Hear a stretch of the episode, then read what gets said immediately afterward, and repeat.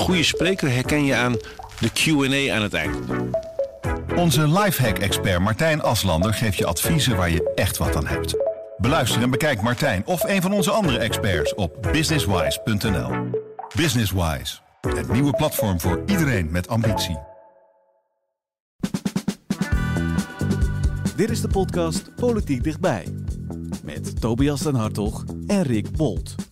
Mark en Wopke gingen naar de grote stad op bezoek bij Joe Biden. Voor een knisperend haardvuurtje ging het over hoe goede vrienden we nog steeds zijn met de Verenigde Staten. Maar waar ging het achter de schermen over? En baggeraar Boskalis dreigt met een vertrek uit Nederland als een nieuwe wet wordt aangenomen. Maar komt die wet er wel en hoe kan het dat dit het zoveelste grote bedrijf is dat weg wil uit Nederland? Dat en meer bespreek ik met Tobias den Hartog en Hans van Soest. Zo heren, net weer terug uit uh, Davos of uh, mochten jullie niet uh, naar het WEF? Ja, ik was niet uitgenodigd. Nee, ja, ik, ik snap er niks van. Maar... Zouden wij geen uitnodiging hebben gekregen als krant? Ik, ik heb werkelijk geen idee. Ja, ik, ik denk dat... Nee, weet ik gewoon niet. Nee, nee, ik, nee, ik weet ook niet hoe dat werkt. Er zijn journalisten, maar of dat op uitnodiging is of dat je dat kan aanvragen, ik heb me er nooit in verdiept. Ik denk heel laatste, eerlijk zijn. Nee, Thierry Baudet was er wel, die ging op onderzoek uit. Heeft hij nog, nog iets gevonden? Iets schrikbarends? Nou, ik zag inderdaad uh, filmpjes en foto's en uh, uh, hij heeft verslag gedaan van zijn, zijn reis naar het, het, het, het, grote boze enge wef. Hè? Want in zijn verhaal is dat waar ja, de lijnen worden uitgezet die landelijke overheden over heel de wereld dan vervolgens implementeren. Hè? Als het nou gaat om klimaat of corona enzovoort. Nou ja, je zag filmpjes van hem in een leeg vliegtuig. Dat bleek, bleek dan later wel een lijnvlucht te zijn van Swiss Air. Het was niet dat er een soort privéjet was afgehuurd. Maar het lastige van, van het work... Dus, dus hij was gewoon eerder in dat vliegtuig gaan zitten om een filmpje op te nemen. Ja, of, of kan ook een, een veiligheidsreden uh, zijn geweest. Hè? Dus dat, dat je soms worden hoogwaardigheidsbewijzen ja. eerder in een toestel gezet, zodat uh, ja. uh, dat ze een oogje in het zeil kunnen houden en zo. En nou ja, mensen die be bepaalde bekendheid genieten. Maar dit, dit World Economic Forum, hè, voor, voor wie het dus niet weet, is een soort verzameling van regeringsleiders en CEO's die betalen het is een, het is een congres. Het is een congres, groot congres waarover gesproken wordt. De actualiteiten, Oekraïne, China. uh, Uh, corona, uh, vergroening enzovoort. Nou ja, daar heb je dus, dat was dan wel weer een dingetje. Je hebt daarvoor heb je de, de SDG-tent, de Sustainable Development Goals tent. Dat is ook gewoon echt letterlijk een tent. en daar wordt dan gesproken over vergroening en zo. En daar, ik, ik had de indruk uit de filmpjes, ik heb het niet aan hem gevraagd, maar ik had de indruk uit de filmpjes dat Baudet in, vooral in die tent is geweest. Want het lastige van het, van het World Economic Forum is, je moet namelijk gevaccineerd zijn om toegang te krijgen. Dus ja, uh, als hij dat is, uh, dan wil hij dat niet toegeven. Dus gaat hij daar niet naar binnen. En als hij dat niet is, dan kan hij niet naar binnen. Ja. Dus, uh, er zijn uh, toen in coronatijd ook foto's opgedoken dat hij met zijn toen nog verloofde op vakantie was in Italië en gewoon een mondkapje droeg. Dus ja. wie weet is hij ook wel gewoon gevaccineerd. Ik heb geen idee. Ik, dus, nou ja, we weten je kan dan zoiets nooit helemaal weten natuurlijk. Ja. Maar schokkends? Nee, dat was je vraag. Schokkends? Nee, volgens mij ging hij met een bepaald idee daar naartoe en kwam hij met hetzelfde idee terug. Top. Straks hebben we het nog over de nieuwe leider van de ChristenUnie, maar er was meer nieuws deze week. Well, Mr. Prime Minister, it's great to see you again. And you're welcome despite despite the World Cup match. So thank you for hosting me. It's the first time in my five visits that the fireplace uh, is on. We uh, have the intention to join what you are doing with Germany on the Patriot uh, project. Let's bring in the Dutch Prime Minister, Mark Rutte. Uh, Prime Minister Rutte, thank you so much for being here. Really great to be here. When will you be at 2% the obligation? 24. In 2024, we will be at 2%. Will there be at any point a limit in how much the Netherlands is able to contribute? No, we will continue to do it. But the Dutch are fully committed to this fight. Yes, I would even argue that we are, without bragging about it, that we are in the in the top league because we really feel that this is necessary. If Putin would win this, it won't stop at Ukraine. It will continue. Ja, het, het leek een heel gezellig bezoekje, maar het ging over wapensoorlog en uh, chips. Wat is nou de uitkomst van het bezoek van Rutte aan Biden?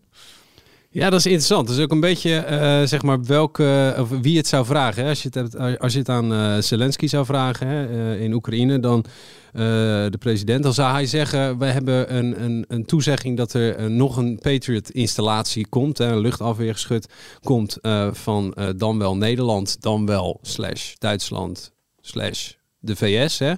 Dus uh, hij omarmt dat als een soort van uh, gebaar van... er komt nog een Patriot-installatie die echt heel duur is. Hè? En heel zeldzaam is ook. komt onze kant op. maar als je uh, Rutte het zelf zou vragen, zou die zeggen: Nou, we staan open voor die leveranties. Als een soort, hè, als deel van een, van, van wat alliantie. we kunnen doen. We in kijken samenwerking wat we doen. met, Juist. in overleg over. Misschien een onderdeel van die installatie. Of het gaat in ieder geval wel om materiaal. Het gaat niet om training. Het, is, het zijn spulletjes. Maar welke spulletjes en hoe groot die spulletjes, ja. dat is nog een beetje vaag. Ja, ja het is inderdaad. Um, uh, het, het werd een beetje gedaan afgelopen uh, uh, dinsdag bij dat bezoek alsof Nederland inderdaad Patriots gaat leveren. Maar we gaan een bijdrage leveren aan de bijdrage van Patriots. En wat dat precies inhoudt, uh, dat is in elk geval op dit moment uh, nog niet duidelijk. Ja. Bij CNN zei Rutte het volgende over uh, de steun aan Oekraïne. The Netherlands has pledged uh, 2.5 billion euros uh, to support Ukraine in 2023. If the war drags into a third year, a fourth year, a fifth year, will there be a, at any point a limit at how much the Netherlands is able to contribute? No, we will continue doing this. And of course, in the Netherlands, people will say, hey, but we have our own issues, like the high gas prices, inflation, etc. And my answer always is this is and and. We need to take care of the issues of the Dutch people. And at the same time, we have to make sure that Ukraine can win this in our interest. It's about our values. But, and this is also the message I'm giving here in the US, it's also from a security perspective crucial. If Putin would win this, it won't stop at Ukraine. It will continue. And then in the end, uh, the collective safety of the whole West is under threat. Dan mag het misschien nog een beetje vaag zijn wat het allemaal precies gaat worden. Maar dit zijn nog wel stevige uitspraken over hoe die steun in de toekomst ook gaat zijn. Ja, nou ja, op zich herhaalt hij dit al wel sinds het uitbreken van de oorlog. Hè. Uh, we moeten uh, uh, zorgen dat Oekraïne moet winnen. Het is ook onze oorlog, zegt hij dan. want Poetin zal niet stoppen. Hè. De grote angst is dat Poetin inderdaad, als het hem lukt om Oekraïne te veroveren, vervolgens zijn ogen op de Baltische Staten laat vallen. er zijn ook nog wat claims op het oosten van Polen. Als je kijkt naar de historische context waar Poetin zichzelf in ieder geval voortdurend op beroept, hè, uh, dan, ja, dan is die angst misschien helemaal niet ongegrond. Dus ja, uh, het, is, uh, uh, het, is, het is spannend. Hij is wel rolvast, hè? als je het hebt over Rutte. De, de vraag is, ga jij die, die miljarden die je hebt uitgetrokken voor de oorlog in Oekraïne, ga je die handhaven ook de komende jaren, ook als het een lange oorlog wordt? En wat hij doet, is wat hij ook bij de Nederlandse pers voortdurend doet, is benadrukken hoe belangrijk deze oorlog is. Hij geeft geen antwoord op de vraag. Hij zegt, ja, we gaan dat doen. Maar ja, uh, niemand weet hoe de wereld er volgend jaar voor staat. Hoe Nederland er financieel voor staat. Hè. Bijvoorbeeld op het punt van het prijsplafond. Dat zou ons heel veel geld gaan kosten. Dat lijkt nu minder te worden. Dat, dit is heel uh, onzeker, heel volatiel. Uh, dus ik, ik denk dat, dat dit is ook wel gewoon een PR-antwoord naar de wereld. Van jongens, wij zitten ervoor met al onze fiches in. En dat blijven we zo vol, volhouden. En nou ja, tot dusver uh, voegt hij wel daad bij het woord. Maar als je het bijvoorbeeld dan over die Patriots hebt, ja, dan zijn de kleine lettertjes wel van ja, we gaan dus een bijdrage aan de bijdrage leveren. En uh, ik zeg niet dat ik daar iets van vind, maar het blijft wel een beetje close listening over wat hij nou precies toezegt. En uh, dat en, deed hij hier weer. En die harde taal van Rutte moet je ook niet helemaal loszien als. Het is natuurlijk ook een boodschap richting Poetin. Kijk, Rutte zegt zelf ook altijd: de enige taal die Poetin verstaat, is net zulke harde taal als dat hij zelf bezigt. Dus ja, als je daar ook maar enige spoor van twijfel uh, laat, um, uh, voed je Poetin in zijn, uh, in, zijn, in zijn oorlogszucht, is althans het idee van Rutte. We hoorden een stuk minder over de chipmachines van ASML, waar flinke druk uitgeoefend wordt door de Verenigde Staten. Is het daar wel over gegaan? Ja, maar dan in de, in de, niet in de Oval Office, dus niet met uh, dat knisperende haardvuurtje, maar in de cabinet room. En dan heb je het gewoon over een uh, kamer met stoelen en...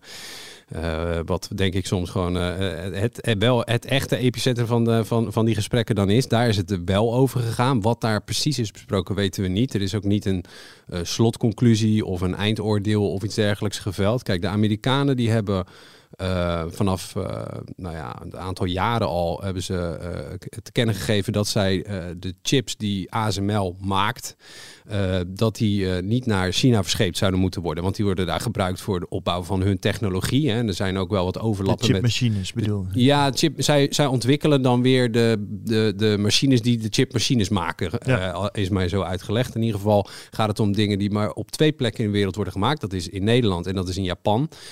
China is daar zeer van afhankelijk.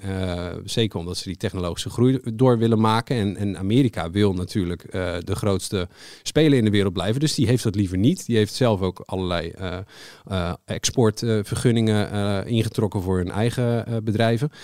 Uh, en die lijn willen ze het liefst wereldwijd doortrekken. Dus proberen Japan en Nederland uh, aan hun kant te krijgen. En uh, voor Nederland gaat dat gewoon om miljarden aan handel natuurlijk ook. plus, er zijn heel wat andere Europese landen die toeleverancier zijn van ASML. Dus het is echt wel vanuit Europa breed is daar, is daar een belang. Um, en ja, voor zover bekend is daar dus niets over hard over afgesproken. wij kenden de bezwaren van de Amerikanen. En nu zal dat in ieder geval face face nog een keertje uh, zijn benadrukt. Um, uh, en ik denk dat, dat, nou ja, achter gesloten deuren, want dit ligt dus echt wel een beetje gevoelig, uh, dat, dat, dat, dat die lijn nog een keertje in het zand is getrokken. Ja, overigens, als je ook hier weer goed luistert naar wat het kabinet zegt, dan lijkt het er wel op dat ze de Amerikanen hun zin gaan geven. Ook Rutte zegt, we moeten vitale technologie niet aan China gaan leveren. Hè. We zien China als een grote bedreiging. Uh, China uh, valt Europa ook voortdurend aan. Digitaal uh, heeft de nationale veiligheidscoördinator onlangs nog in zijn rapport opgeschreven. Dus het enige wat Rutte niet wil, wat het kabinet niet wil, is zich op laten leggen door de Amerikanen dat we het moeten. Zo, als je heel goed naar zijn, zijn, zijn woorden luistert, dan denk ik eigenlijk dat we vooral willen dat wij als Europa zelf de besluit nemen dat deze technologie niet naar China gaat. Als je nou kijkt naar wat er nou allemaal uitgekomen is, is het eigenlijk ja, niet heel veel, niet heel schokkend. Was het nou nodig om hier helemaal voor de oceaan over te vliegen? Nou ja, pak de kranten van uh, de dag erna erbij. Allemaal hadden we een foto van uh, Mark Rutte achter het bureau van, uh, van Biden met de telefoon van Biden in zijn hand. Het is natuurlijk diplomatiek belangrijk dat je laat zien ik ben daar en ik ben belangrijk genoeg om ontvangen te worden. Dat is voor binnenlands gebruik hier in Nederland. En voor Amerika is Nederland niet de kleinste speler en Rutte is een van de langzittende Europese leiders. Nou, ga gemiddelde Amerikaan vragen wie Rutte is en hij hij zal het niet weten, maar het is uh, wel een, het bouwen van een alliantie. Dus voor beide is er belang. En uh, Nederland is met Japan bijvoorbeeld, hè, we het toch over die chips hebben, een van de landen die recent zijn uitgenodigd. En ik heb me laten vertellen dat toen Rutte werd uitgenodigd door Obama destijds, dat hij in een rijtje viel met heel veel kleine landen en vervolgens wel werd geprezen.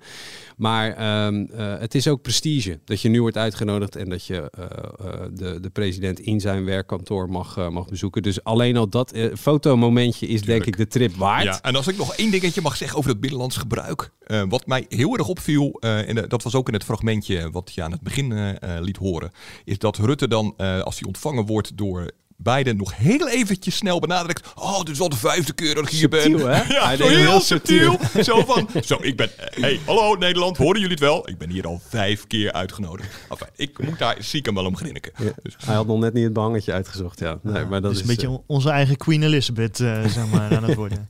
Deze week werd Mirjam Bikker fractievoorzitter van de ChristenUnie. Zij schetste dinsdag wat zij wilde gaan doen als leider van de partij.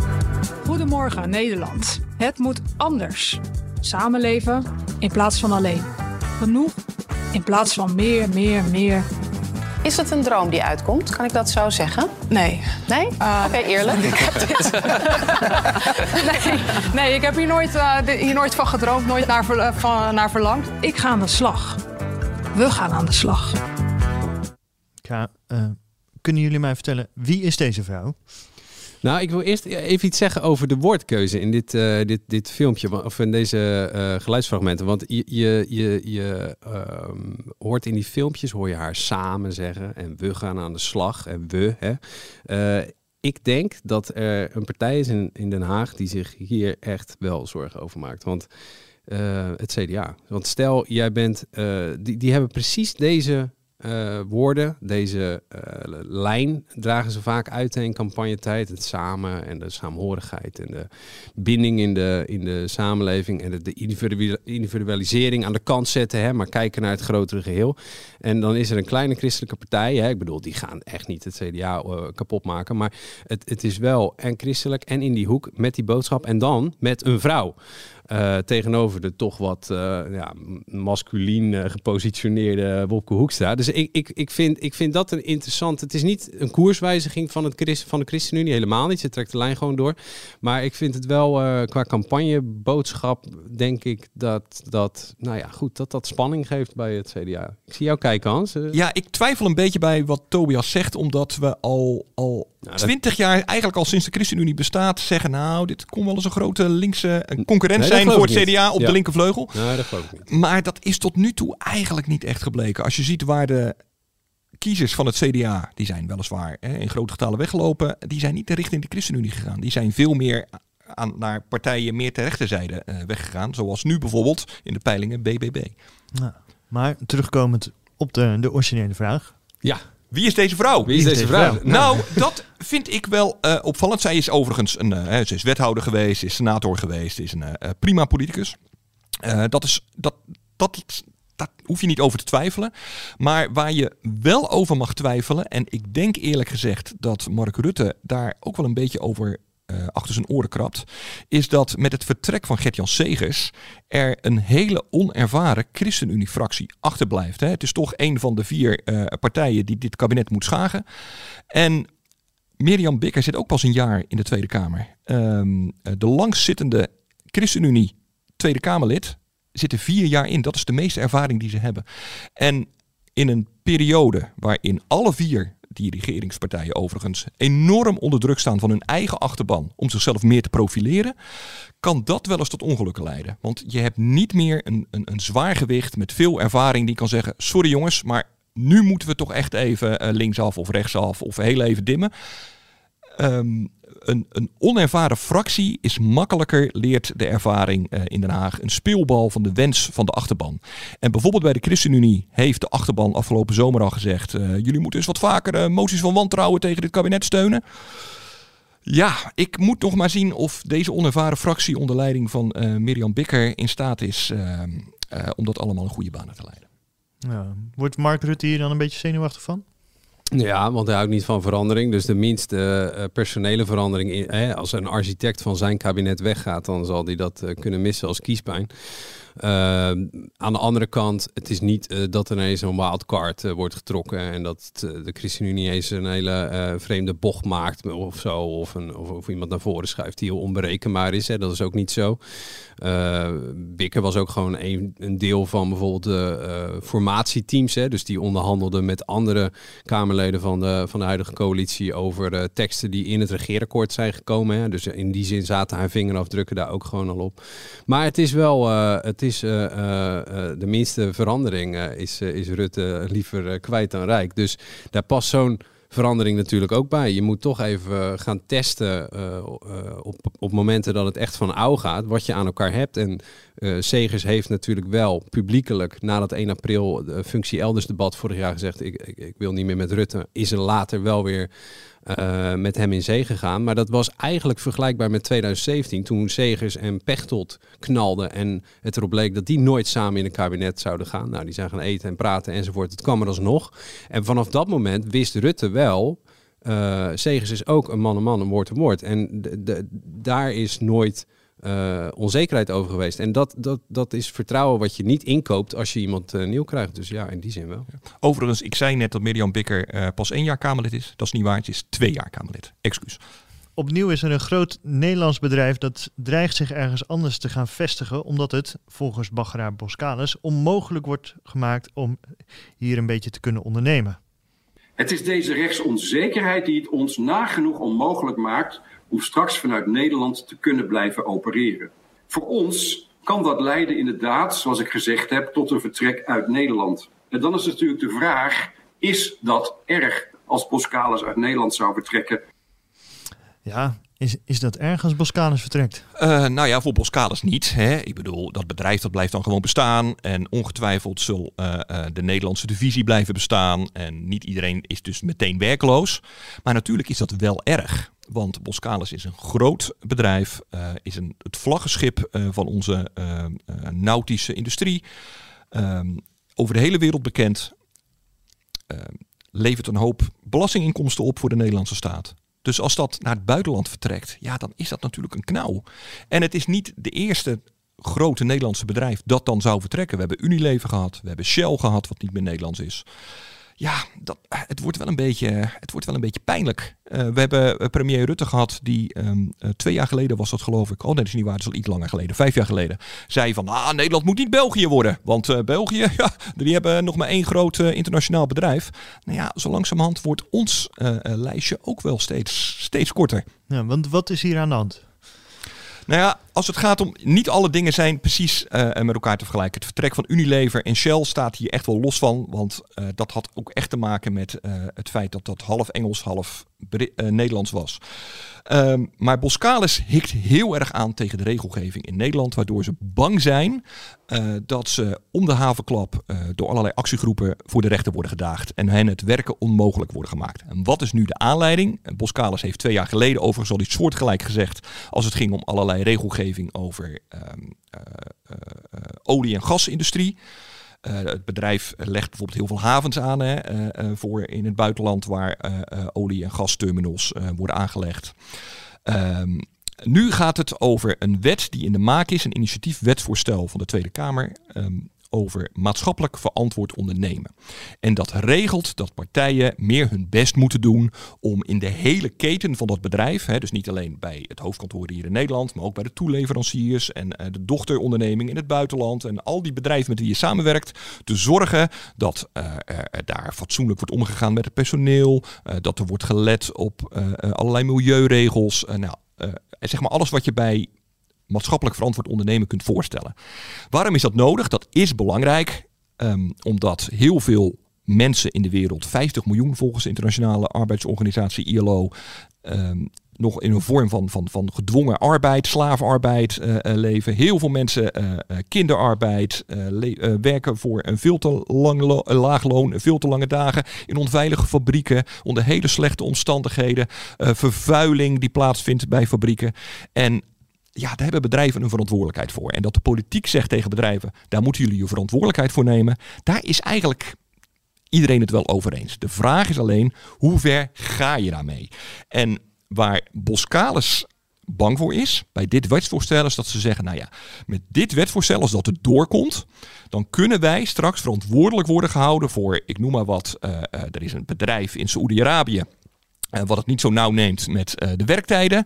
En um, uh, wij moeten dan dat bedrijf daarop aanspreken en zeggen: luister eens, volgens onze wet moeten jullie dat wel doen. En dan zegt Saoedi-Arabië: luister eens, we hebben helemaal geen zin om met jullie. We gaan wel met een andere bagger aan de zee. En zo verliezen we zo verliezen we klanten. Dus op deze manier wordt het ons onmogelijk gemaakt om nog te ondernemen. Dus die zijn heel erg tegen deze wet. Ja. Topman Berkowski van Boskalis die schetste de dilemma's waar zij tegenaan lopen in de Tweede Kamer van de week. In ons vak worden we dan ook voortdurend geconfronteerd met dilemma's. Ik zal er een paar met u delen. Willen wij het Suezkanaal verbreden in een land waar in de ogen van velen een dictator heerst als Sisi? Moeten wij een containerschip lostrekken in datzelfde kanaal? Kunnen wij zand winnen in een gebied waar lokale vissers actief zijn? En wordt hun verlies aan inkomen voldoende gecompenseerd door de klant die daarvoor verantwoordelijk is?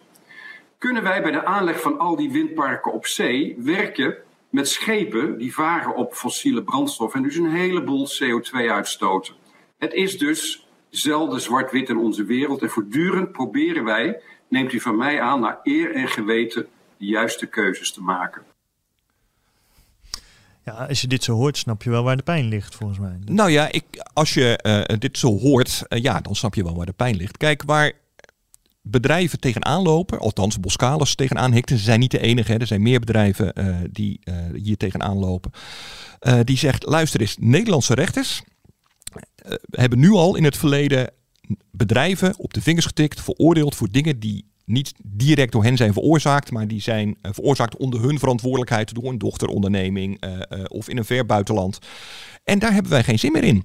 Eh, wij proberen, zegt uh, Berdowski overigens, echt ons best te doen om uh, rekening te houden met mensenrechten, met milieu. Maar ja, ehm, de wereld is niet zwart-wit, zoals Berdowski zegt. Heeft u daar een punt? Nou ja, de indieners van de wet zeggen van niet. Die zeggen, kom, het is echt niet zo dat je met deze wet uh, om de havenklap uh, voor de rechter kan worden gedaagd. Maar Berdowski zegt, en hij is niet de enige, uh, ook de andere tegenstanders van deze wet zegt. Ja, luister eens, we kennen de Nederlandse rechter inmiddels. Shell is veroordeeld, die moeten ineens minder CO2 uitstoten met een, met een beroep door de Nederlandse rechter op het Europees handvest voor de rechten van de mens. Ook ging, dat ging over recht op een goed, goed gezinsleven. Ja. ja, als je op basis daarvan al kunt worden veroordeeld. Ja, uh, Nederlandse rechters zijn daar, daar hebben ze weinig vertrouwen in. Het is ook precies wat het kabinet vreest, hè, want dit is een initiatiefwetsvoorstel. Dus het komt van partijen uit de Tweede Kamer, een soort alliantie van, uh, nou de kern is linkse partijen, progressieve partijen. Uh, want in het kabinet, vorig kabinet speelde deze vrees ook al. Hè. Het was toen Sander Dekker, toenmalig minister van Rechtsbescherming, die zei van ja, we moeten uitkijken dat de rechter niet te veel op de stoel van beleidsmakers gaat zitten. Hè. Als wij, heeft ook te maken met maak je goede wet of maak je slechte wet. Hè. Maak je een wet met een open einde, ja, dan kan een, een rechter die interpreteren en lezen zoals hij hem wil lezen. En dus ook toepassen op de praktijk. En, en, en dan uh, heeft het kabinet in het verleden de, de, de uh, angst gehad en de vrees gehad van ja, als die, als die rechter steeds meer op de stoel van de beleidsmaker gaat zitten, ja, dan brengt hij ons dus, uh, dwingt die beleid eigenlijk af en brengt hij ons in de knel. daarvan zeggen de Tweede Kamerleden dan volgens, ja, dan moet je betere wetten maken uh, die wel waterdicht zijn en waarvan je echt duidelijk maakt aan iedereen uh, wat je er precies mee, uh, mee beoogt. Maar dat, dat de uitspraak in die zaak van Shell heeft natuurlijk wel aangetoond dat, er, dat het rekbaar is. En je kan best zeggen dat is ook goed, hè, want daardoor wordt de staat ook gewoon gehouden aan de doelen en aan het beleid. Uh, maar precies met dit soort, uh, met deze wet, uh, hoe ver reikt dat maatschappelijk verantwoord ondernemen? Ja, daar is, dat is natuurlijk Kijk, interpretabel. Ja. Kijk, wat over intenties van de wet, daar is iedereen het wel over eens. Van links tot rechts. Hè. Iedereen vindt het belangrijk dat we iets doen aan brandveiligheid in kledingfabrieken in Bangladesh. Dat we iets doen aan uh, kinderarbeid in India. Natuurlijk, dat vindt iedereen. De vraag is, uh, in hoeverre moet je daar Nederlandse bedrijven die met deze bedrijven samenwerken uh, verantwoordelijk voor maken. Nou ja, de indieners van de wet overigens, die zeggen, luister eens, lees nou eens gewoon wat er staat. Uh, uh, het enige wat wij willen is dat bedrijven een inspanningsverplichting krijgen om hun best te doen uh, die misstanden te bestrijden. Maar de tegenstanders zeggen er weer van ja, best doen om misstanden te bestrijden, dat klinkt al heel erg als toch een verplichting. Nou ja, deze wet gaat het is mijn inschatting nu waarschijnlijk niet halen. Ehm, maar er komt wel degelijk een wet. Want ook er wordt überhaupt in Europa gewerkt aan een richtlijn waar dan uiteindelijk uh, toch uh, nationale lidstaten uh, eigen wetgeving over moeten maken. Dus er komt hoe dan ook wetgeving hierover. Dus of het nou deze is, of het is een meer door Europa opgelegde richtlijn. Maar er komt hoe dan ook wetgeving over. En dan kom je bij een tweede probleem. Um, er was van de week een hoorzitting in de Tweede Kamer. Uh, uh, waarbij onder andere uh, Berdowski van Boskalis kwam praten. Maar daar kwam ook de baas van een groot specerijenfabriek, Verstegen, hier in Rotterdam praten met de Kamer. En die zei, luister, wij zijn ook voor maatschappelijk veranderd ondernemen. Wij, wij proberen aan alle regels te voldoen. Maar ik waarschuw jullie wel voor één ding. Ze zijn ook helemaal niet tegen wetgeving. Maar ik waarschuw jullie wel voor één ding.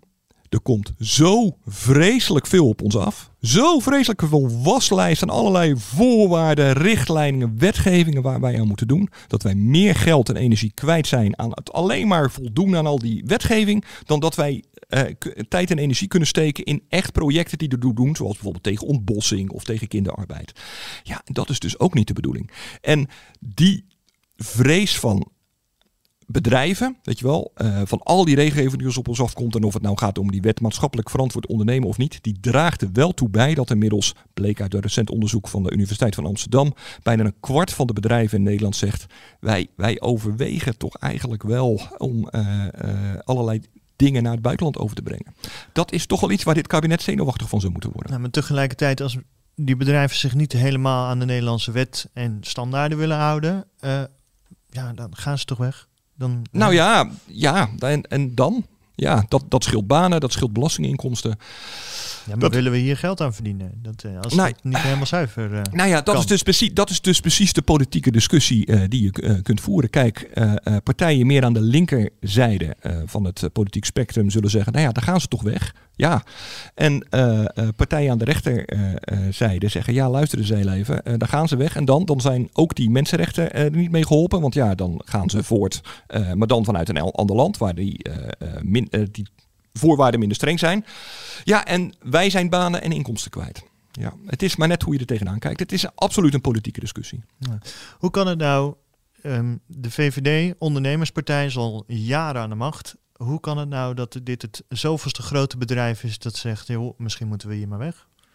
Ja, in, in die zin, de, VVD opereert in een lastigere perio- periode dan ervoor. Hè? Ook omdat je met hele invloeden van Piketty en zo, de, de, de welvaart die zich zo concentreert bij zo'n kleine groep, de, het groot kapitaal hè, of de grote bedrijven, ja, daar is geen liefde voor in politiek Den Haag. Daar is gewoon geen liefde voor. En Rutte heeft daar. eh, Rutte en Dijkhoff hebben daarin wel eh, twee verschillende dingen gedaan en ook wel interessante dingen. Rutte die is heel erg gaan benadrukken, jongens, ik heb geen ik heb ook geen liefde voor dat bedrijf. Ik heb liefde voor de mensen die er werken. Het is een werk, werkgelegenheidsproject. Het is niet een ik vind het stoer dat Philips hier zit project. Ehm eh, Dijkhoff heeft het op zijn manier geprobeerd voor zijn vertrek om eh, in zijn speeches te benadrukken. Hij is er ook mee het land in gegaan van ja jongens, wij willen die bedrijven overeind houden. Juist omdat ze werkgelegenheid en welvaart eh, genereren. Maar wij verwachten van die bedrijven ook wederkerigheid. Ze moeten zich ook inzetten voor de samenleving. En dat kan op het gebied van natuur zijn, maar dat kan ook zoals Philips vroeger letterlijk deed met huisvesting. Maar eh, een sportvereniging eh, stimuleren of een, wij- een wijkclub runnen. En dat is, de, de VVD probeert zich in die zin een klein beetje, nou, niet helemaal opnieuw uit te vinden, maar wel zichzelf opnieuw te positioneren tegenover, dat, tegenover die grote bedrijven. Maar als je ja, sec naar de begroting kijkt van het afgelopen jaar, is de belasting voor het midden- en kleinbedrijf, is de belastingdruk is omhoog gegaan. Eh, ook voor de, voor, de, voor, de, voor de hele grote jongens, voor de echt hele grote bedrijven, is de belastingdruk omhoog gegaan. Dus het is wel een steeds van een balanceeract van ja, we hebben dus wel eh, die bedrijven nodig. Hè, dat blijft hij ook uitdragen. We willen geen België worden. Ehm, maar het is wel met eh, het- ja, een beetje tegen de wind in en eh, in, een, eh, ja, in een andere tijd. Ja, en dan moet ik er ook wel bij zeggen dat die, die, die omslag in denken, weet je, over de bedrijven, is ook wel een klein beetje door het grote bedrijfsleven over zichzelf afgeroepen. Want ja, er is natuurlijk de afgelopen decennia zijn bedrijven ook meer en meer een soort van, van eh, geldmachines geworden die alleen nog maar keken naar wat de aandeelhouders wilden en niet meer naar wat hun bijdrage was aan de samenleving. Dus die klacht die is absoluut terecht. En dat er iets gedaan wordt eh, en dat er gesproken wordt over maatschappelijk verantwoord ondernemen is ook terecht. Ehm, eh, maar goed, de ideologische strijd is dus, ga je daar als handelsnatie in voorop lopen? Of wil je dit vooral samen doen in Europees eh, verband? Top. Volgende week wordt er gedebatteerd over de slavernij-excuses. Wordt dat nog een spannend debat? Of? Nou, niet over de, over de woorden. Daar, in, in dat opzicht wordt het geen, eh, geen spannend debat. Als het debat al volgende week plaatsvindt. Want wat er wel achter de schermen eh, een probleem is binnen de coalitie, is geld. Namelijk die woorden die Rutte heeft uitgesproken, het gebaar dat is gemaakt. eh, dat is geen enkel probleem. Hè? Ook op, die, op de meeste eh, voormalige eh, koloniale gebieden zijn die woorden goed gevallen. Eh, ook in Suriname, hè, waar echt wel naar werd gekeken. Maar het geld is wel een ding. De VVD heeft eigenlijk van meet af aan wel ingestemd, maar wel geklaagd over die 200 miljoen euro die zou worden uitgetrokken voor educatie en voor de bewustwording van, van Nederlandse leerlingen over het slavernijverleden. Maar die prijs, die, wat ik begreep, is die prijs al een beetje aan het oplopen. richting 400 miljoen. Omdat er eh, meer geld nodig is. Het was ook niet helemaal duidelijk. Het is nog steeds helemaal niet duidelijk waar het precies aan wordt besteed. Hè. Er ligt nog steeds geen brief van het kabinet waar dat dan precies eh, allemaal terecht moet gaan komen. Eh, maar als je eh, op, de achter, op de achterkant van een bierveeltje zijn ze wel aan het rekenen gegaan. En dan lijkt die prijs dus hoger te worden. En dat maakt het voor de VVD dus nog moeilijker om daarmee akkoord te gaan. Dus dat in als het gaat over geld. En dan heb ik nog niet eens over herstelbetalingen, want daar wil eigenlijk volgens mij niemand echt eh, eh, aan. Dat je Nou, echt, een paar eh, kleine partijen ter linkerzijde wel ja, sorry, hoor. binnen de coalitie Ja. bedoel ik, binnen de Ja. coalitie aan. Maar ehm, wel als het gaat over dit geld. En daarin ziet bijvoorbeeld, ik was in Suriname, daar zien zij ook echt een kans eh, om, om, om, om eh, eh, ja, voor, voor, hun, voor hun eigen gebruik daar, eh, daar eh, eh, beter van te worden. Wat natuurlijk hartstikke mag. Tegelijkertijd vond ik wel dat de VVD, nadat die excuses werden uitgesproken en er dus werd gehint op die 200 miljoen, Ja. ineens al een stuk minder fel reageerde. Ja, het dus, was eerst ondenkbaar, doen we nooit. Ja, en, en nu wilden ze wel weten was het. en ja. ineens was het... Van, nou, ja, waar gaat het eigenlijk aan op? Ja, en moet ja, het wel zoveel ja. zijn? Ja, en je ziet daar wel een beetje in, in, in schuiven dus. Maar als die prijskaart groter wordt, ja, dan wordt het ook wel weer spannender. Dus ik denk dat het zich daarop gaat concentreren. Ja, want als je dan een beetje telt, zeg maar, stel dat er een motie in wordt gediend om het allemaal wat, wat minder te doen, Ja. dan met de VVD tegen, dan... Ja, ja, en dan moet je elkaar dus wel gaan vasthouden als coalitie. En dit is niet iets waar je een bonje over hoeft te maken. Hè. Ik bedoel, eh 200 miljoen lijkt veel, maar er, gaat echt wel heel wat meer water door de Maas heen eh, in, in Den Haag. Dus het is niet waar je, het is, het is echt ideologie. Van vi- vind je het dat waard enzovoort. En daar hoef je niet eh bonje over te maken. Maar dat kan wel, eh, kan wel spanning geven in dat debat, ja. ja. Tot zover deze aflevering. Vind je dit nou een leuke podcast? Abonneer je dan via Spotify of Apple Podcast. Volgende week, dan zijn we er weer. Tot dan. Een goede spreker herken je aan de Q&A aan het eind. Onze lifehack-expert Martijn Aslander geeft je adviezen waar je echt wat aan hebt. Beluister en bekijk Martijn of een van onze andere experts op businesswise.nl. Businesswise, het nieuwe platform voor iedereen met ambitie.